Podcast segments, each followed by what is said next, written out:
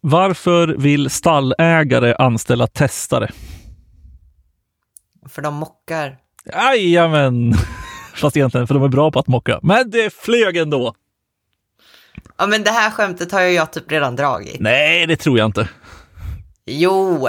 Och om det är så, då eh, har alla glömt bort det förutom du. Det är också ett skämt från vår lyssnare Erik, så tack Erik. Och sen Therese direkt bärsar, han har snott skämtet av mig. Nej, jag bara säger att du borde ha bättre koll på våra skämt. Ja, ja, ja, ja. Allt är på dig, Ja. ingenting på lyssnarna. Nej, så är det alltid. Eh, välkomna hörni till ett nytt avsnitt av AFDF. Jag ber om ursäkt om det klirrar lite grann. Jag vet inte om det här hörs. Hör du det här Therese?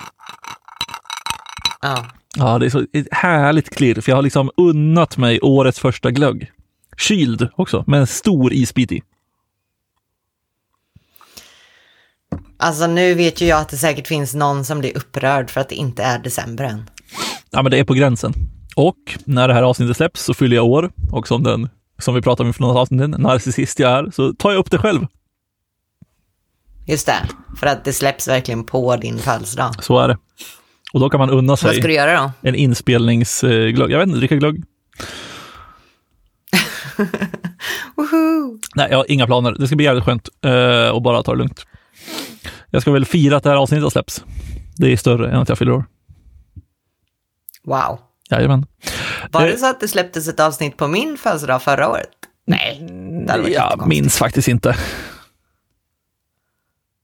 Ingen aning. Det kan vi kolla upp till nästa avsnitt. Verkligen inte viktigt. Det är, bara, alltså det är bara för att det är på julafton. Så det är snarare frågan, släppte vi ett avsnitt på julafton? Inte Vi släppte ju vår julkalender, eh, ett avsnitt på julafton. Ja, just det. Och den kan vi ju Ja, ja. Den kan vi avslöja nu då, i så här en vecka innan, att eh, julkalendern, den återkommer i år igen. Bättre än någonsin.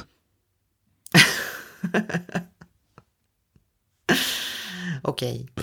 Eh, exakt, det, det är så skönt att liksom i energinivå så tror jag att du är våra lyssnare.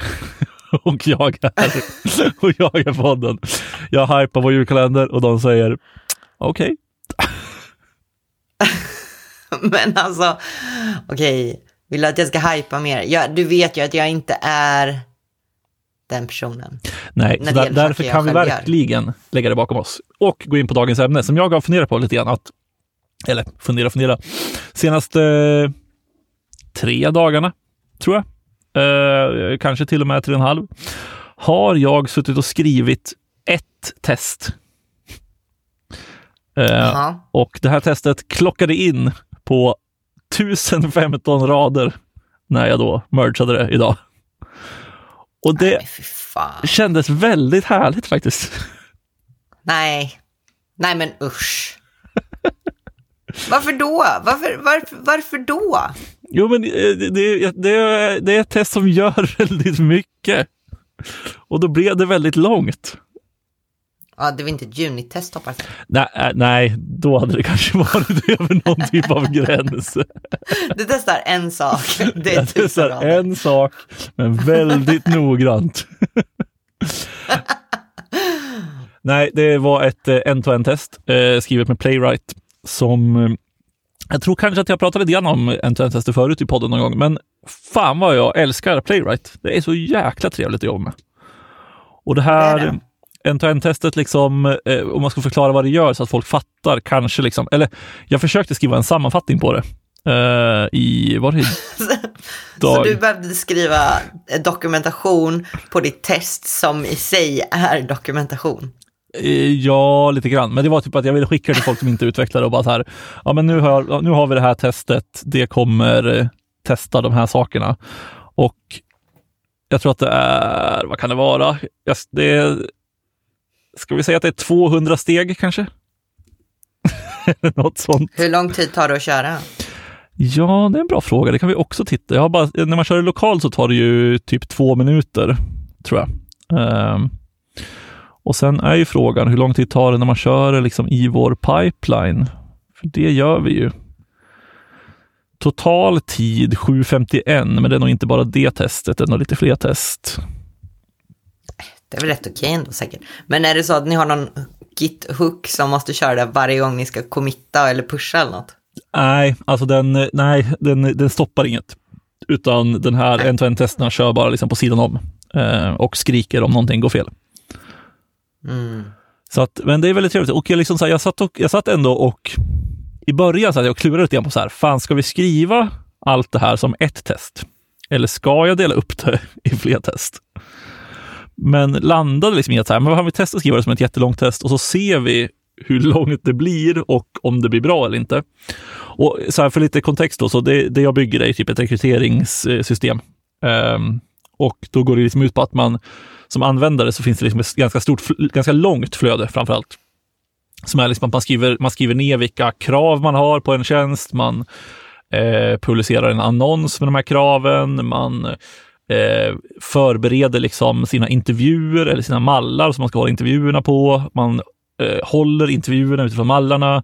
Man utvärderar kandidaterna, man bokar in liksom, typ möten och de här intervjuerna med dem under tiden och till slut så godkänner man eller liksom eh, tackar nej till kandidaterna. Och det som gör att jag inte egentligen ville skriva det som flera tester var liksom att all den här datan liksom beror på varandra. Så att de kraven du sätter i det första steget, de eh, ska vara med och utvärderas i sista steget. Och de ska vara med i intervjuerna och de ska liksom visas upp på ansökan som har kommit in och allting sånt. Och jag kände bara så här, fan, det, det som alltid blir jobbigt när man skriver tester är ju att man måste liksom manuellt skapa upp massa data. Så att så här, ja, men för att kunna testa utvärderingen i det här fallet, om jag bara ville göra det, då hade jag liksom behövt skapa upp massa utvärderingar på den här kandidaten eller skapat upp någon intervju där de har gjort den här utvärderingen manuellt ner i databasen bara. Och det är, alltså i min erfarenhet så ställer det alltid bara till mer problem än vad det liksom hjälper. Och då kände jag att, men vad fan, jag kan ju göra så att i testet så skapar testanvändaren all data jag behöver. Jo, alltså jag fattar ju den grejen och det är ju jäkligt smutt. Men jag känner ju också att det är liksom en otrolig happy path. Alltså det är inte bara att allting går precis som förväntat och att en användare använder systemet precis som ni har förväntat er. Utan det är att de gör det sekventiellt, liksom, utan en enda paus, utan en enda liksom, plocka upp ett steg eh, senare. Blir det ett problem? Ja, alltså det finns ju liksom ingen tidsaspekt riktigt i alla steg, utan det, det känns som att eh, den här testar liksom allting i ett flöde. Sen spelar det egentligen ingen roll om det skiljer liksom en dag eller två dagar eller en vecka liksom mellan man gör något steg. Datan kommer ju se likadan ut. Sen är det ju verkligen så att jag testar ju inga edge cases i det här testet, utan det här är ju liksom väldigt tydligt happy flow för att se att det funkar. Och det är också lite, alltså syftet med testet är verkligen så här att, ja men eftersom allting hänger ihop så mycket så vill jag se till att om vi gör någonting på ett ställe så ska inte det paja någonting annat. Och eh, det blir också en grej att så här, ja, men om jag skapar upp massa data manuellt i testerna så kanske man inte vet att två saker som hänger ihop väldigt mycket, som man testar separat, att man har förstört kopplingen mellan dem så att säga. Och det är liksom där jag var ute efter lite grann, att, eh, att faktiskt testa också. Ja, alltså jag förstår verkligen grejen. Eh, och jag förstår verkligen varför du gör det och det är säkert toppen. Men jag bara känner, jag bara känner tröttheten av att komma in ny i det här teamet.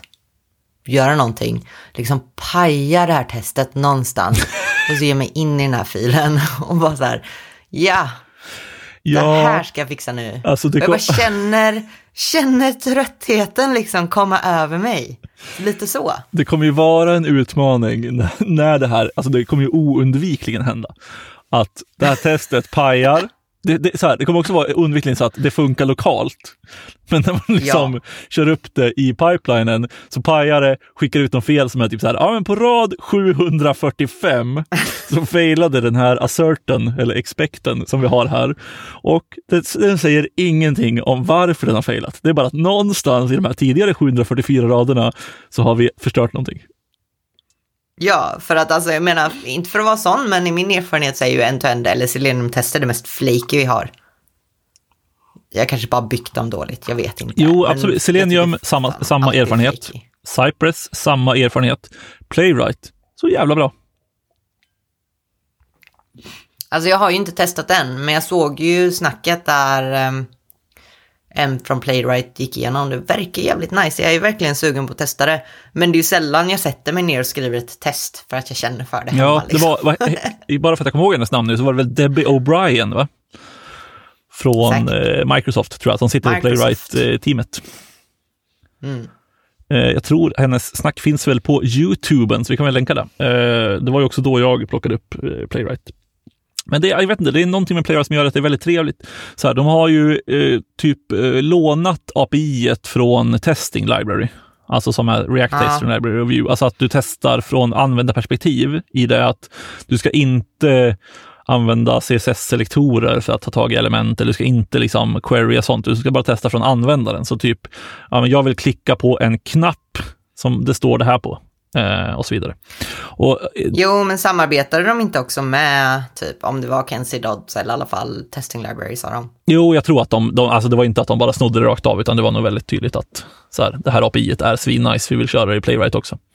Men det, det, Jo, men att de har gått igenom det tillsammans och jobbat med det och itererat över det tillsammans liksom. ja, så kan det verkligen vara. Ehm, men det är i alla fall inbyggt i Playwright, så du behöver liksom inte ett Playwright testing library som wrappar. Liksom. Nej. Nej, men alltså jag gillar ju Testing Library, det måste jag ändå säga. Ja, och eh, jag vet inte, det är någonting med allt det här som gör det väldigt bra. Sen har, alltså Playwright är också väldigt bra på att göra, alltså den liksom, när någonting faktiskt går fel, som händer hela tiden, så eh, har de ändå väldigt bra liksom, verktyg för att lösa det. Eh, för det ena, så, man kan, ja, allting går att styra med inställningar såklart. Men eh, för det ena så är det då att de spelar in en film på allt de gör, om man vill. Så att du kan få ut en film som är liksom i en browser, de visar allting, du har allting som de har klickat på, allting de har gjort. Sen kan man få ut något som de kallar för en trace och det är liksom att de har, ja men jag tänkte som att du har spelat in eh, allt, eller du har sparat ett snapshot av statet i webbläsaren mellan varje action som tas. Så att du kan liksom till exempel öppna upp den i en browser och köra inspect för att kolla liksom så här, hur var statet i det här. Du kan se nätverksloggen, du kan se konsolloggen, alltså du kan se allting sånt och liksom eh, felsöka utifrån det.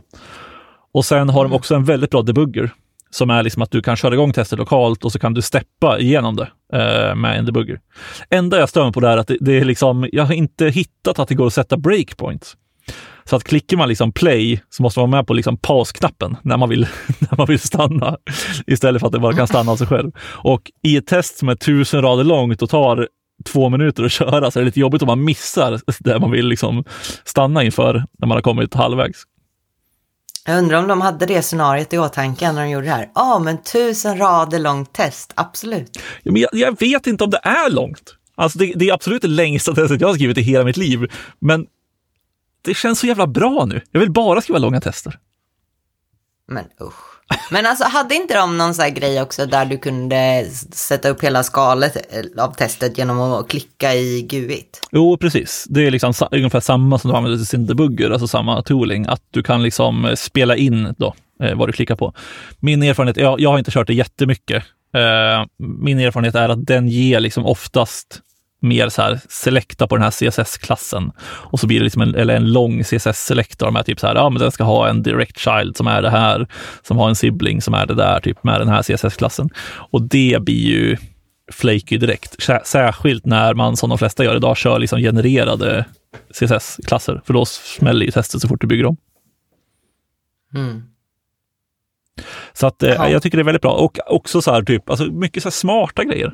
Typ att eh, när man kör liksom i, eh, eller det finns en config som man kan ställa in att så här, den ska retrya testerna. Så att om de smäller, och på grund av att de är flaky till exempel, då kan den liksom, ja men jag har tre retries. Så då kör den bara om testerna eh, och fortsätter. Och sen om den smäller efter tre så eh, liksom, då smäller hela testet. Men också då att då finns det liksom config som hänger ihop med det, typ den här trace, alltså så här, ska jag spara en trace eller inte? Då kan man ha, då finns det typ så här, ja den är på eller av, men det kan också vara att den är, den är på på första retryen. Så att du liksom får inte overheaden på eh, att spela in tracen när du kör testerna och de funkar. Så då går testet snabbt, eller snabbare när de eh, funkar. Men smäller de, då kommer den retrya och så kommer den spara ner en trace andra gången. Eh, vilket gör att testet kör lite längre, eller tar lite längre tid att köra, men det spelar ingen roll. Och sånt, jag vet inte, det känns genomtänkt. Overhead. Overhead. Eh, ja, men det måste jag säga. Det Jag gillar också så här retrisen. Då kan den ligga i pipen och bara ticka pengar.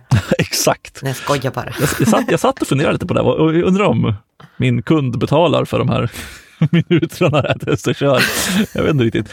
Uh, vi kör, alltså jag tror inte, det är inte så många som kör uh, vi kör den i GitHub på just liksom end-to-end-testerna. Sen har vi en annan uh, egen pipeline för liksom själva bygget och sånt. Men jag tror inte så många andra team kör det, så jag tänker att vi ligger säkert under någon gräns. Det är säkert lugnt. ja, vi hade jäkla problem i Circle CI med flaky tester. Att man bara körde om och om igen och det bara pengar. Ja, det kan jag förstå. Slurpade pengar.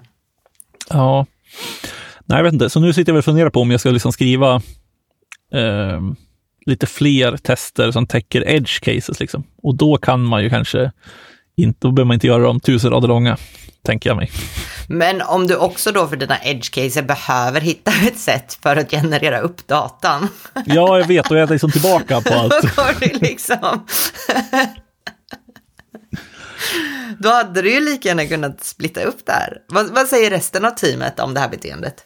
Är de Eh, nöjda? Nej, alltså vi programmerar ju 100% egentligen. Men Men det här har du dagarna. 100% gjort på skuggan alltså. Ja, det här, exakt. Det här är liksom saker jag har gjort samtidigt som jag suttit i samtal med andra och varit halvengagerad så har jag liksom suttit och skrivit det här testet i tre dagar utan att någon har riktigt tänkt på det. Och sen så, så berättade de bara, just det, hörni, kan ni, kan ni kodgranska mitt test?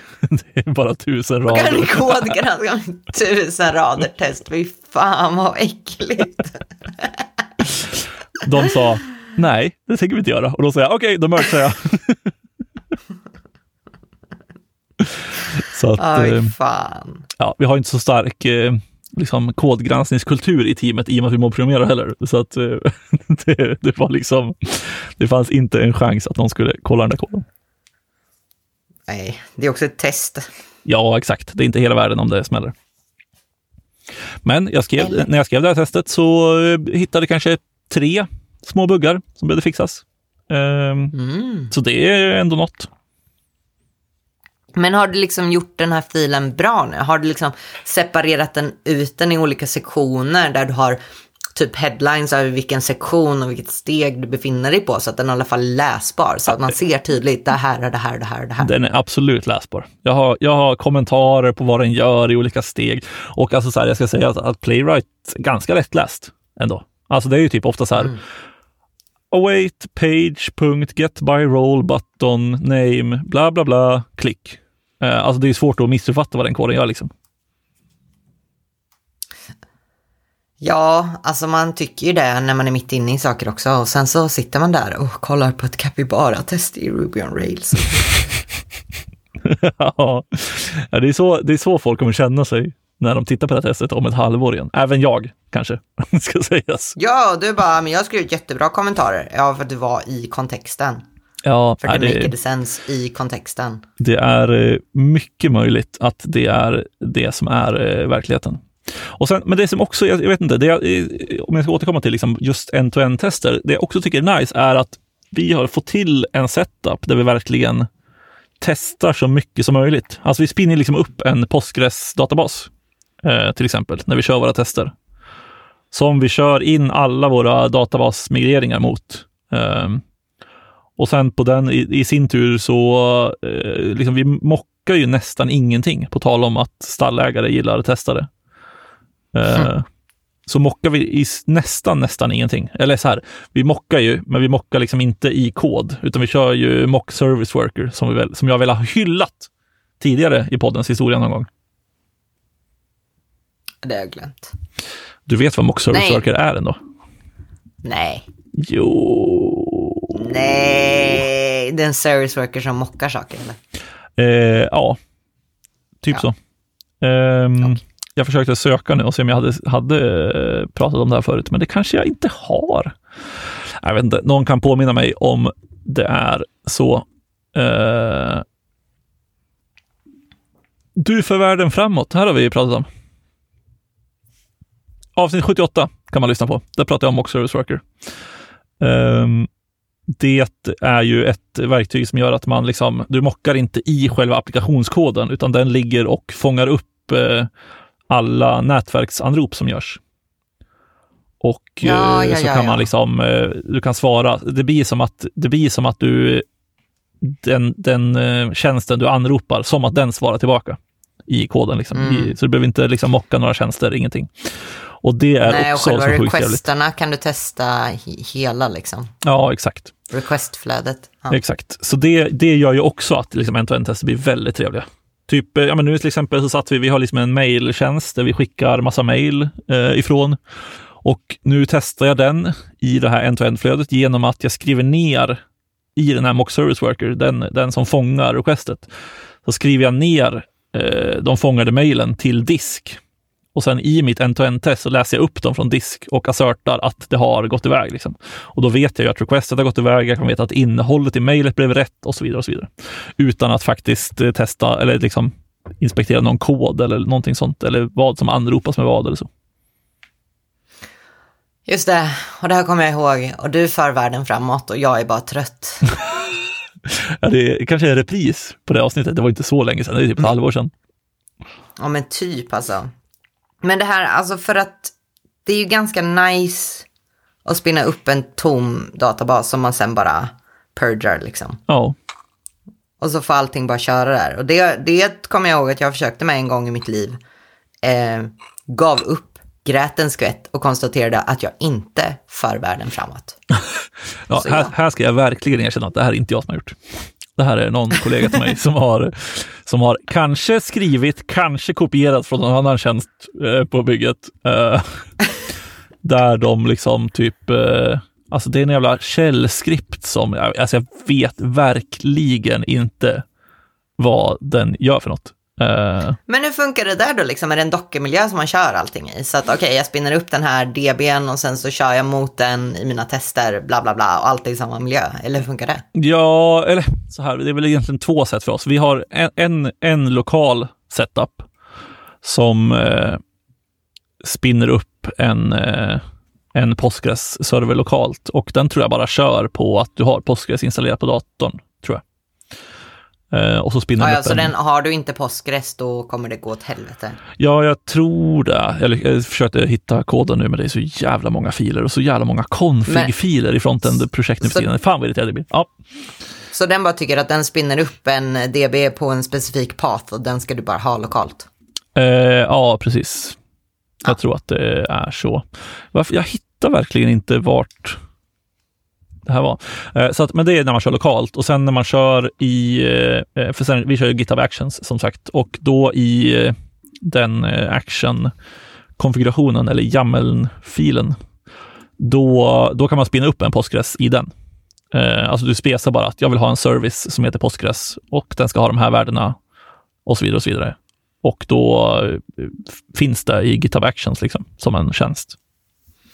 Ja, ja, som en så här, det heter väl inte Orb i GitHub eh, Actions säkert, men något typ av sånt. Ja, En jag, jag, plugin. Ja, något typ services eller något. Jag kommer inte riktigt ihåg. Man spesar liksom att så här, jag vill ha den här servicen.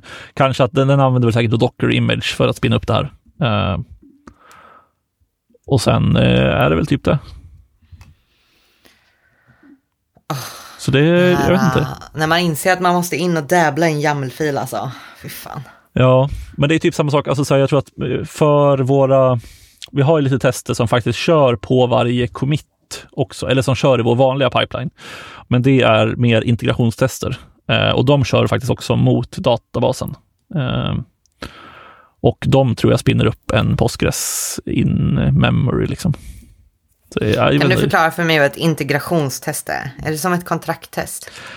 Ja, det, det här är ju den eviga frågan. Vad är integration? Vad är end-to-end? Vad är smoke? Vad är unit? Vad har vi mer? Ja, ja. Eh, Ja, men alltså unit är ju, det är de vanliga, små. ja, Eh, End-to-end för mig är ju ofta UI-test. Klick, Ja, klick, precis. klick, klick, klick, klick. absolut. Sen är det här med integrationstest och jag vet aldrig vad folk menar när de säger integrationstest. Nej, alltså jag tror vi kallar det integrationstest för att det är inte ett end-to-end-test och det är inte ett unit-test, utan det är någonstans mitt emellan.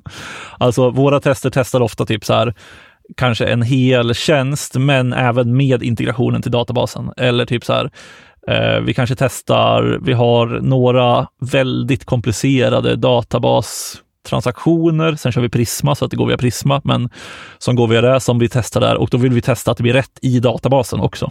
Eh, så att de spinner liksom upp ett test, eller de spinner inte upp en test, de spinner upp en databas och sen testar de specifika funktioner som går mot databasen, alltså hur de integrerar kanske då med databasen.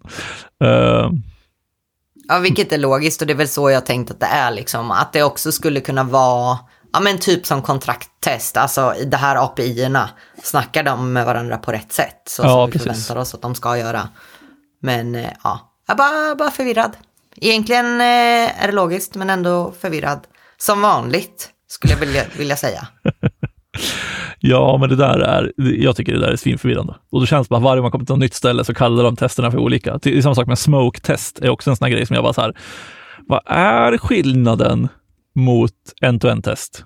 Uh, eh, men det är, alltså nu tänker jag att det är att man, smoke-test är typ så här, typ QA. Alltså typ mitt eh, superduper tusenraders test nu är väl typ ett smoke-test, att se så här, ja men ingenting har gått sönder. Men är det ett smoke-test? Alltså jag tycker att ett smoke-test är att man bara testar att det, det mest basic fungerar, typ renderar det. Ja, typ, kanske. Det, ja, det, det, ja, det är sant. Det kan det också vara kanske. Är det rök liksom, där ja. det förväntas vara det? Ja, det kanske är sant. Det har du, det har du nog rätt i. Men alltså jag vet inte. Jag vet verkligen inte. Jag, jag, är, jag är bara... Jag är bara glad att jag inte behöver göra, alltså jag håller mig till unitest oftast, kanske UI-test. När folk börjar snacka lasttest och sånt, då, då bara drar jag. Då checkar jag ut. Ja, lasttester har jag sysslat med lite tidigare i min eh, karriär. Har jag berättat om, när jag, det här måste väl vara preskriberat nu, när jag var på Systembolaget och eh, typ höll på att sänka deras eh, autentiseringsserver för deras, alltså för, inte för eh, liksom, externa tjänster, utan för alla användare på Systembolaget. Alltså de kunde inte logga in på sin dator typ. Alltså du har ju berättat det för mig, det vet jag ju, men i vilken kontext du har berättat det, det vet jag inte. Ja, det är svårt att hålla koll på vad som sägs i podden och vad som inte sägs. Men det var så här att eh, jag byggde lite lasttester. Eh, Äh, via något. Jag tror det var, det var något gammalt Visual Studio verktyg. Typ om man körde Visual Studio Enterprise så fick man med någon typ av verktyg för att bygga lasttester. Och de här lasttesterna eh, skrev jag liksom själv och där jag skulle bara göra lite basic grejer på några nya tjänster vi hade byggt.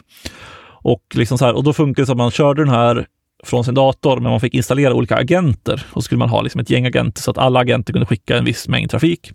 Så i vår datahall som vi hade då, så installerade jag det här på lite slumpvalt utvalda maskiner som stod och, ja men det var någon som körde någon liten interntjänst som inte användes ofta. Det var någon som liksom bara låg där som var någon filserver och så här. Så där installerade jag lite sådana här blandade på fem, sex stycken. Vad är det värsta som kan hända? Exakt. Och det här, det här är det sjuka, för att och sen så när jag installerade dem där, så, så här, ja, men jag installerade dem på mitt konto, det var liksom inga konstigheter. Alltså, så här, jag, jag, gjorde det ju väldigt mycket med liksom allas, eh, allas approval, eller allas godkännande. Eh, så jag gjorde det här. Vi körde lasttesterna. Allting funkade utmärkt. Alltså inga konstigheter. Jag stängde av lasttesterna, gick vidare i livet.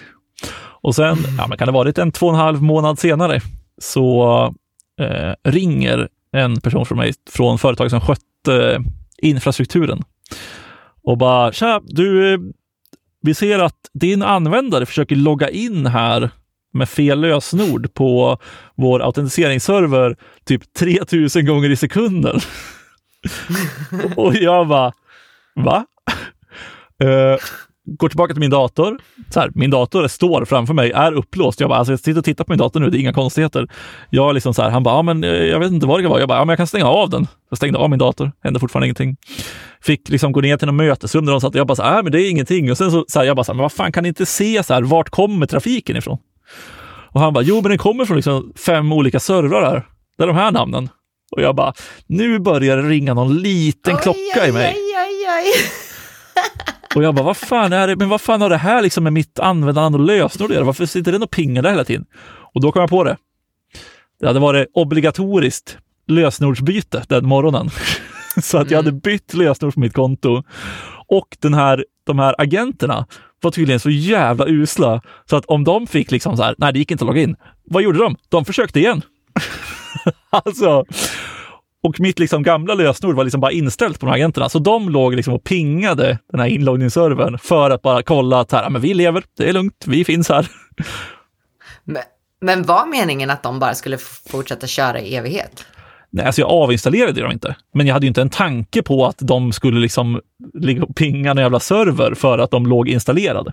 Eh, utan, så du ja. körde en gång och städade inte ordentligt? Jag avinstallerade dem inte efteråt, det gjorde jag inte. För att jag tänkte ändå att så här, ja men det här, vi kanske gör det här någon mer gång. Det kan vara bra att ha kvar dem där. Men de bara, de bara levde vidare? De, de, de levde vidare tills de blev upptäckta av att jag hade blivit tvingad att byta lösenord, vilket också är en jävla urusel policy. Utan den hade det aldrig hänt.